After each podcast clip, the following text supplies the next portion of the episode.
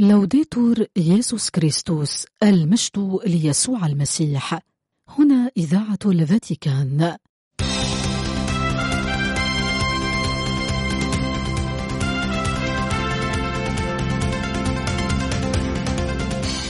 مستمعين الأحباء تحية طيبة من القسم العربي في إذاعة الفاتيكان. ننقل إليكم برنامجنا العربي اليومي حول نشاطات البابا والكرسي الرسولي وأخبار الكنيسة حول العالم. يمكنكم الاستماع إلى برامجنا والاطلاع على آخر الأنباء عبر الإنترنت على الموقع vaticannews.va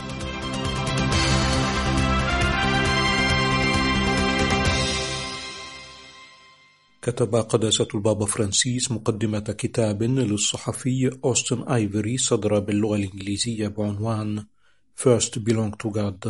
الانتماء إلى الله أولا. ويجمع الكتاب تأملات للبابا فرانسيس خلال الخلوات عبر عقود من الزمن وأيضا تعليم قداسته كحبر أعظم. وتحدث الأب الأقدس في البداية عن أن القديس إغناطيوس دي لويولا قد رأى بوضوح كبير بفضل خبرته الحياتية أن كل مسيحي هو في كفاح من أجل تحديد حياته. كفاح لهزيمة تجربة الانغلاق على الذات حتى تسكن فينا محبة الآب. واتبع البابا أننا حين نوجد الفسحة للرب الذي يخلصنا من شعورنا بالاكتفاء الذاتي فإننا ننفتح على كل الخلائق ونصبح قنوات لحياة الآب ومحبته. وحينها فقط ندرك ما هي حياتنا بالفعل. عطية من الآب الذي يحبنا بعمق ويريد أن ننتمي إليه وإلى بعضنا البعض. لقد تم الانتصار في هذا الكفاح من أجلنا قال البابا فرانسيس وذلك من قبل يسوع بموته على الصليب وقيامته. وكشف هكذا الآب بشكل نهائي أن محبته أقوى من كل قوى هذا العالم ولكن يظل هناك الكفاح من أجل معانقة هذا الانتصار وجعله واقعا أضاف الأب الأقدس. فنحن نميل إلى الانغلاق أمام هذه النعمة إلى العيش بطريقة دنيوية مهمين أنفسنا بسيادتنا واكتفائنا الذاتي واتبع قداسة البابا أن كل الأزمات المهددة للحياة في العالم من الأزمة البيئية إلى الحروب والظلم إزاء الفقير والضعيف تكمن جذورها في هذا الرفض لانتمائنا إلى الله وإلى بعضنا البعض. ثم تحدث البابا فرانسيس عن مساعدة الكنيسة لنا بطرق عديدة في مكافحة هذه التجربة وقال إن تقاليد الكنيسة وتعليمها ممارسة الصلاة والاعتراف والاحتفال بالإفخارستية هي قنوات نعمة تجعلنا منفتحين لتلقي العطايا التي يريد الرب أن يغمرنا بها. ووصل الأب الأقدس أن من بين التقاليد والتعليم هناك الخلوات الروحية للقديس إغناطيوس دي ليولا ومن بينها هناك الرياضات الروحية. وقال البابا فرانسيس أن إعادة شحن بطارياتنا قد أصبح أمرا منتشرا أمام ضغوط مجتمع مهووس بالمنافسة إلا أن الخلوة المسيحية هي أمر مختلف عن عطلة في مراكز صحية. فلسنا نحن في الخلوة مركز الاهتمام بل الله. الراعي الذي وبدلا من أن يعاملنا كآلات يجيب على أعمق احتياجاتنا كأبناء محبوبين. ووصل البابا فرانسيس حديثه عن الخلوات فقال إنها الزمن الذي يتحدث فيه الخالق مباشرة إلى خلائقه فيوقد نفوسنا بمحبته ومجده فنكون قادرين على خدمة الرب بشكل أفضل في المستقبل حسب ما كتب القديس إغناطيوس دي لويولا وتبع الأب الأقدس متحدثا عن المحبة والخدمة باعتبارهما موضوعي الرياضات الروحية الكبيرين. وأضاف أنه حين يفكر في ثمار الرياضات الروحية فإنه يرى يسوع يقول للمقعد في بيت ذاته قم فاحمل فراشك وامشي. وأضاف البابا أن ما وجهه يسوع هو أمر يجب طاعته إلا أنه في الوقت عينه أكثر الدعوات لطفا ومحبة. وتوقف البابا فرانسيس في هذا السياق عند هذا المقعد الذي كان يشعر بنفسه فاشلا في عالم يطبعه التنافس. كان سجين منطق الاكتفاء الذاتي والشعور باليأس لكون الآخرين أقوى وأسرع منها إلا أن يسوع أتى ليلقاه برحمته ويدعوه إلى ذاته. وهكذا فما أن انفتح المقعد على قوة يسوع الشافية حتى شفي من شلله الخارجي والداخلي. تمكن من أن ينهض ويسير مسبحا الله وعاملا من أجل ملكوته. وقد تحرر من أسطورة الاكتفاء الذاتي وتعلم كل يوم أن يتكل بشكل أكبر على نعمة الله. وبهذه الطريقة يصبح الإنسان تلميذا قال البابا فرانسيس قادرا على أن يواجه بشكل أفضل. لا فقط تحديات هذا العالم بل وأن يتحدى أيضا العالم من خلال العمل حسب منطق الهبة والمحبة. ووصل قداسة البابا مقدمة الكتاب مشيرا إلى أنه كبابا أراد أن يشجع انتماءنا إلى الله أولا ثم إلى الخليقة وإلى أمثالنا البشر وخاصة أولئك الذين ترتفع صرخاتهم ولهذا وصل البابا فرانسيس أردت لفت الانتباه إلى أزمتين كبيرتين في زمننا تردي بيتنا المشترك والهجرة والنزوح الجماعيين. وقال قدسته إن كليهما من أعراض أزمة عدم الانتماء التي يتحدث عنها الكتاب الذي يقدمه قدسته وتبع البابا أنه وللسبب عينه أراد تشجيع الكنيسة على إعادة اكتشاف عطية سينودسيتها التقليدية. وأضاف أن الكنيسة حين تنفتح على الروح القدس وتتكلم بشعب الله فستنهض بكاملها. وتسير إلى الأمام مسبحة الله ومساهمة في مجيء ملكوته.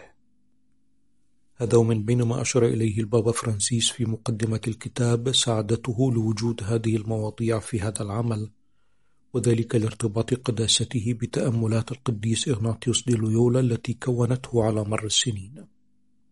وتبع البابا قائلا إن الكاتب والصحفي أوستن آيفري قد قام بعمل جيد في هذا الكتاب الذي يشكل فرصة للإنارة والاستنارة بالرياضات الروحية للقديس إغناطيوس دي لويولا.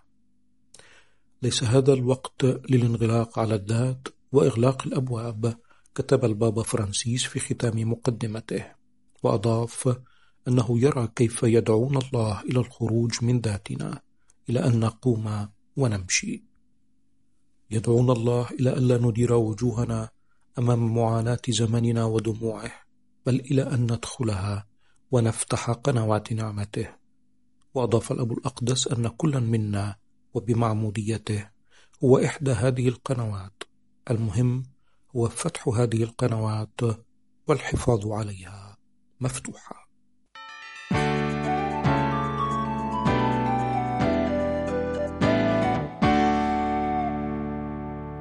في إطار الدورة الثانية والستين للجنة التنمية الاجتماعية ألقى مراقب الكرسي الرسولي الدائم لدى الأمم المتحدة المطران جابرييل كاتشا مداخلة حول موضوع تعزيز التنمية الاجتماعية والعدالة الاجتماعية من خلال السياسات الاجتماعية لتسريع التقدم في تنفيذ خطة التنمية المستدامة لعام 2030 وتحقيق الهدف الشامل المتمثل في القضاء على الفقر. قال فيها نعمل على تعزيز التنمية الاجتماعية والعدالة الاجتماعية من المهم أن نتذكر على الدوام أن لدينا التزاما خاصا تجاه الفقراء والذين يعيشون في أوضاع هشة. وقد وصف البابا فرانسيس ذلك بأنه ضرورة أخلاقية أساسية لتحقيق الخير العام. بالنسبة لعدد كبير جدا من الأشخاص تبقى تلبية الاحتياجات الأساسية بمثابة صراع يومي. ولهذا السبب يجب علينا أن نعمل على التخفيف من آثار الفقر من خلال معالجة أسبابه الجذرية في المقام الأول. وتشكل أنظمة الحماية الاجتماعية القوية بما في ذلك أنظمة التقاعد التي تقدر وتأخذ في عين الاعتبار العائلة ومسؤولية تقديم الرعاية أداة مهمة في مكافحة الفقر وضمان تلبية الاحتياجات الأساسية للجميع. وهكذا يسعى البعد الاجتماعي للتنمية إلى ضمان تنمية بشرية متكاملة تكون ازدهار كل شخص في سياق المجالات العائلية والاجتماعية والروحية والثقافية والاقتصادية والسياسية. تابع المطران كاتشا يقول يلعب التعليم دورا مهما وكما أشار البابا فرانسيس فهو الوسيلة الأساسية للتنمية البشرية المتكاملة لأنه يجعل الأفراد أحرارا ومسؤولين. الأمر الذي يؤدي إلى فرص أكبر ونتائج أفضل. ولكن ما يثير القلق هو أن العائلات الفقيرة تكافح من أجل تحمل تكاليف إرسال أبنائها إلى المدرسة وأن هناك نقصا في المعلمين المؤهلين ولا سيما في البلدان النامية. ويجب معالجة هذه التحديات لضمان رعاية كل طفل بما في ذلك الأطفال الأشد فقرا وتمكين الأطفال من تحقيق إمكاناتهم بما يتوافق مع كرامتهم المتأصلة. وبالإضافة إلى ذلك ينبغي إتاحة الفرص للبالغين لكي يواصلوا تعليمهم بما في ذلك إعادة تدريب الذين فقدوا وظائفهم. أضاف مراقب الكرسي الرسولي الدائم لدى الأمم المتحدة يقول كذلك فإن الحصول على عمل لائق بأجر عادل للجميع هو أيضا شرط أساسي للتنمية. العمل هو الوسيلة التي يمكن للرجال والنساء من خلالها استخدام مواهبهم الفريدة لتحقيق أهدافهم الشخصية والمساهمة في مجتمعاتهم وتحقيق التنمية الاجتماعية. ويجب أن يكون العمل في متناول الجميع وأن يتم أداؤه في ظل ظروف لائقة وآمنة وأن يكون له أجر على مستوى يسمح للعمال بأن يحافظوا على الحياة العائلية وأوقات الفراغ ويستمتعوا بها. ومن المؤسف أن العديد من الشباب يواجهون البطالة أو العمالة الناقصة في حين يواجه المسنون في بعض الأحيان التمييز في العمل أو يكونوا غير قادرين على التقاعد بسبب انعدام الأمن المالي. وبالتالي يجب أن تعمل سياسات العمل على تعزيز ظروف العدالة في مكان العمل والاقتصاد فيما تعكس أن العمل هو تعبير عن الشخص البشري وليس الغايات التي خلق الناس من أجلها. وبينما نحتفل بالذكرى الثانوية الثلاثين للسنة الدولية للعائلة يشعر وفدي بقلق عميق إزاء التقليل المتزايد من أهمية الأسرة أو حتى التشهير بها في المحافل الدولية. وكما أقر الإعلان العالمي لحقوق الإنسان فإن الأسرة هي الوحدة الجماعية الطبيعية والأساسية للمجتمع ولها حق التمتع بحماية المجتمع والدولة. إنها الجماعة الأولى التي يعرفها أي منا وبالتالي فهي محورية للتنمية الاجتماعية وليست ثانوية أو عرضية. تابع المطران كاتشا يقول العائلة هي مدرسة لإنسانية أعمق وكما أكد البابا فرانسيس هي المكان الأول حيث تعاش وتنقل قيم الحب والأخوة والعمل الجماعي والمشاركة والاهتمام بالآخرين ورعايتهم. بالنسبة لكثيرين حول العالم لا تمثل العائلة الشكل الأول فحسب بل الشكل الوحيد للحماية الاجتماعية وجماعة المبادلة والعناية. الآباء هم المربون الأوائل لأبنائهم. غالبا ما تكون العائلات أقوى المدافعين عن أفرادها الذين قد يتم تجاهلهم أو اعتبارهم عبئا من قبل المجتمع. كل فرد في الأسرة يعطي وينال الحب والرعاية والدعم الذي لا يمكن تعويضهم. ولهذا السبب يجب أن تدعم السياسات الاجتماعية الأسرة في دورها الأساسي في تحقيق العدالة الاجتماعية والتنمية الاجتماعية. وختم مراقب الكرسي الرسولي الدائم لدى الأمم المتحدة المطران جابرييل كاتشا مداخلته بالقول يبقى الكرسي الرسولي ملتزما التزاما راسخا بالقضاء على الفقر وتعزيز التنمية الاجتماعية والعدالة الاجتماعية وتحقيق التنمية البشرية المتكاملة لكل إنسان.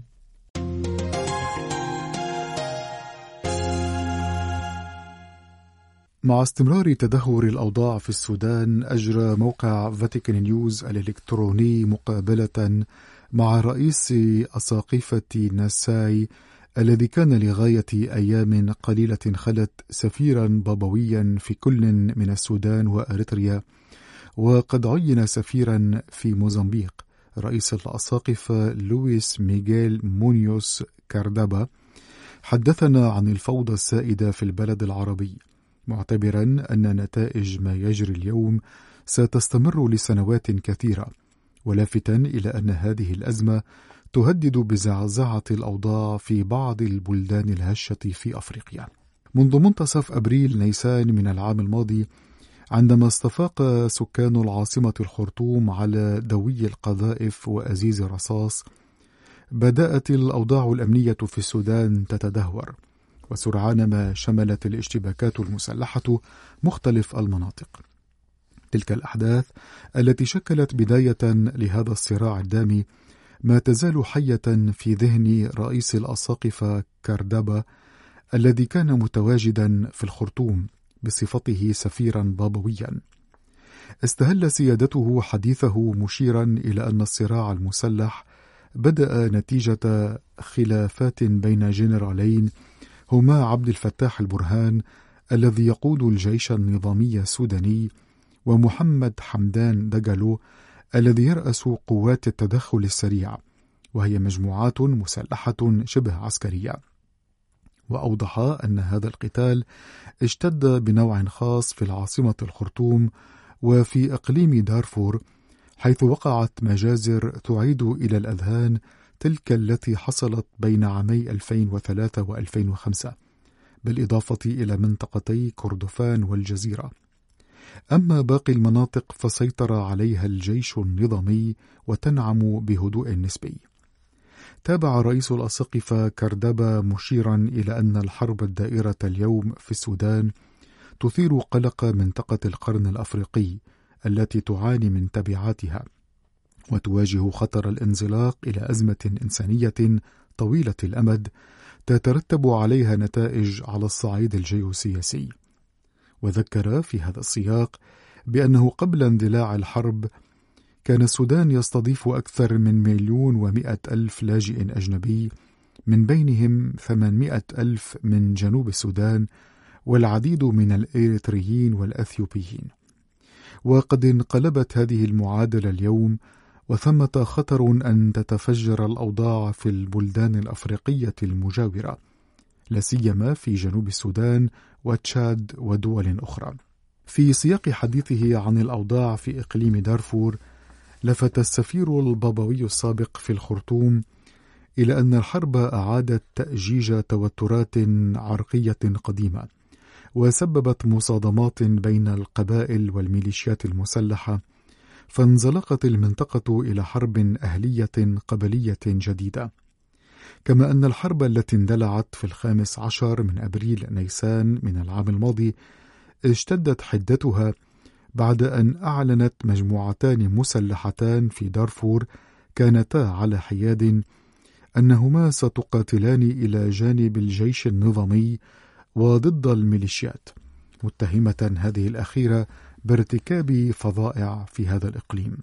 هذا ثم لفت سيادته إلى أن كل مساعي الوساطة بين الأطراف المتنازعة لم تؤدي إلى نتيجة لغاية اليوم. وقد باءت بالفشل أيضا المفاوضات التي جرت في جدة بدعم من المملكة العربية السعودية والولايات المتحدة. ولم يحترم أي من الجنرالين المتنازعين الهدنة المتفق عليها من أجل فتح ممرات إنسانية. وما يزال الطرفان يتبادلان الاتهامات بشأن خرق وقف إطلاق النار. وما يزيد الطين بلة قرار مجلس الأمن الدولي في كانون الأول ديسمبر الماضي بشأن إنهاء عمل بعثة الأمم المتحدة لدعم العملية الانتقالية في السودان والتي اتهمت بالتدخل في شؤون البلاد الداخلية. مضى الدبلوماسي الفاتيكاني إلى القول إن هذا الصراع ليس إلا استمرارا للأوضاع السياسية غير المستقرة منذ سقوط الرئيس عمر البشير عام 2019 عندما رفضت الميليشيات تسليم السلطة إلى حكومة مدنية. وأشار سيادته إلى صعوبة الحوار بين الأطراف المتحاربة مع أن هذه هي الدرب الواجب اتباعها. كما أن الجماعة الدولية مدعوة إلى تكثيف الجهود من أجل إعادة السلام إلى ربوع البلاد ووضعها على طريق الديمقراطية بإسهام من السودانيين أنفسهم. واعتبر سيادته أن السلام وعملية الانتقال الديمقراطي لن يتحققا إن لم يلعب المجتمع المدني دورا رياديا بغية تحقيق تبدل سياسي وبناء سودان جديد.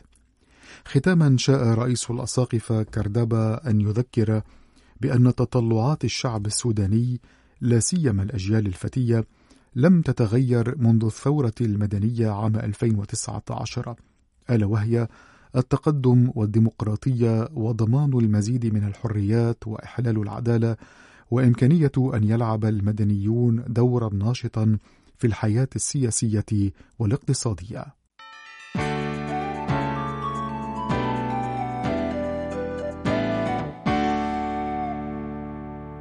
تحت عنوان ارجعوا إلى الله بكل قلوبكم.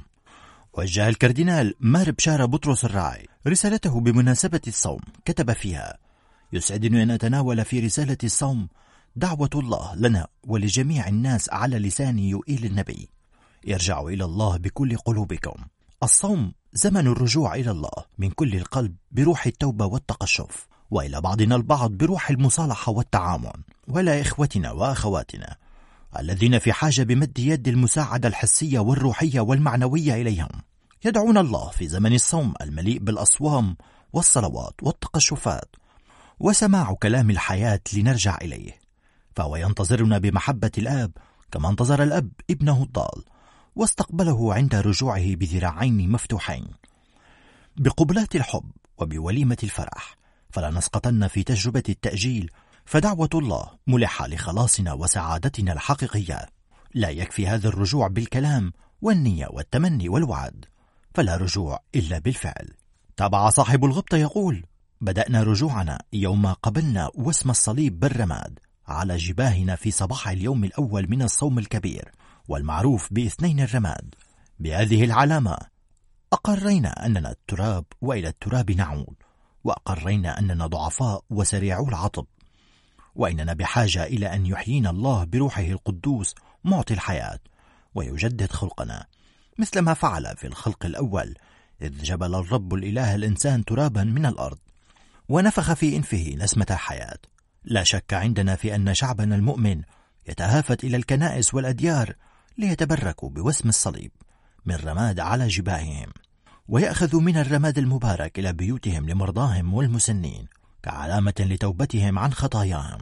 نقول علامة للتأكيد أن الحاجة تبقى إلى التقرب من سر الاعتراف لله عن خطايانا بواسطة الكاهن الذي باسم الثالوث القدوس وبالسلطان الكهنوتي المعطى له يمنح الغفران للخطايا المعترف بها. فكما أننا بالتواضع نحني رؤوسنا ونقبل واسم الرماد المبارك كذلك بالتواضع عيني. ننحني أمام الكاهن خادم السر المقدس لنتصالح مع الله ومع ذواتنا ومع بعضنا البعض. عندئذ تتم فينا كلمة أشعيا النبي.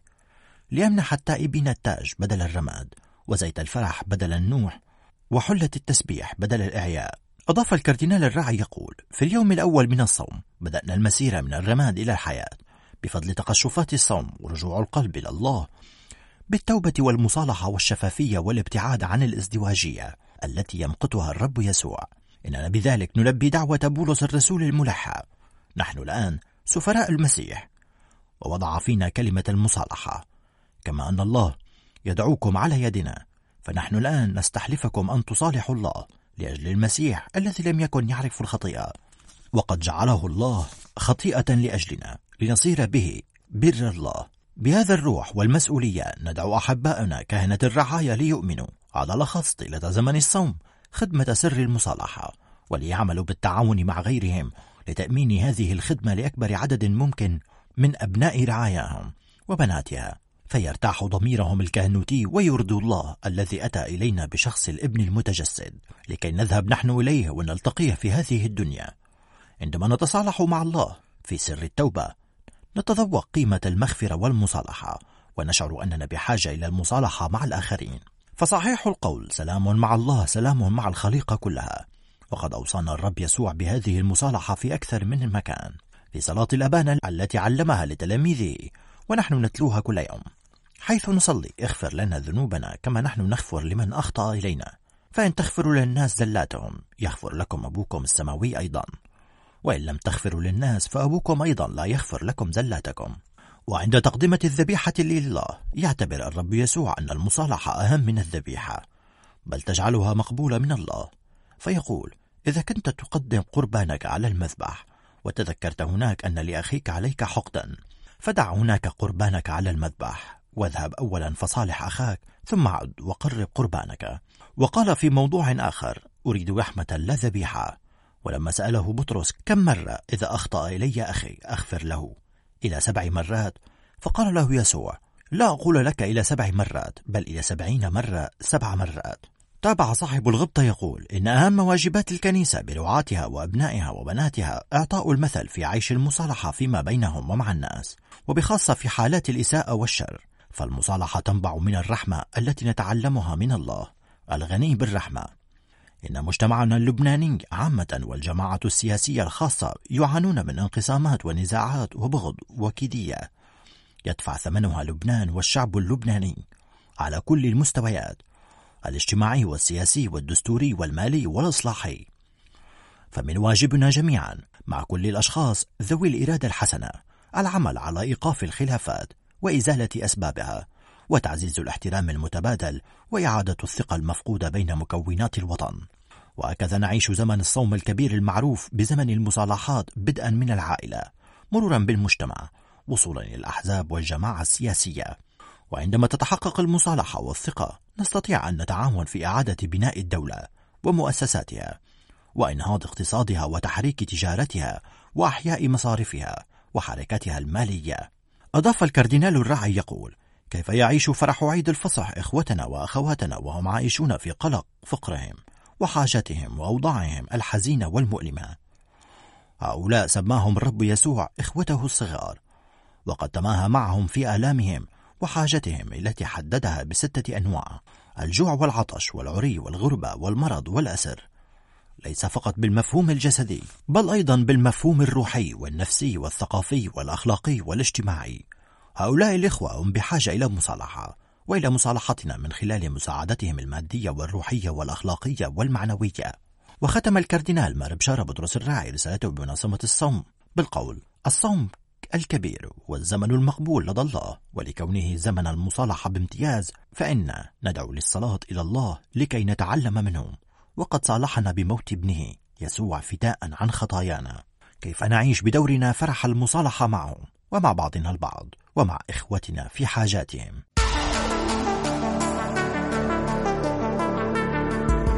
بهذا نأتي إلى ختام نشرتنا الإخبارية. قدمناها لكم من إذاعة الفاتيكان. لوديتور ييسوس كريستوس.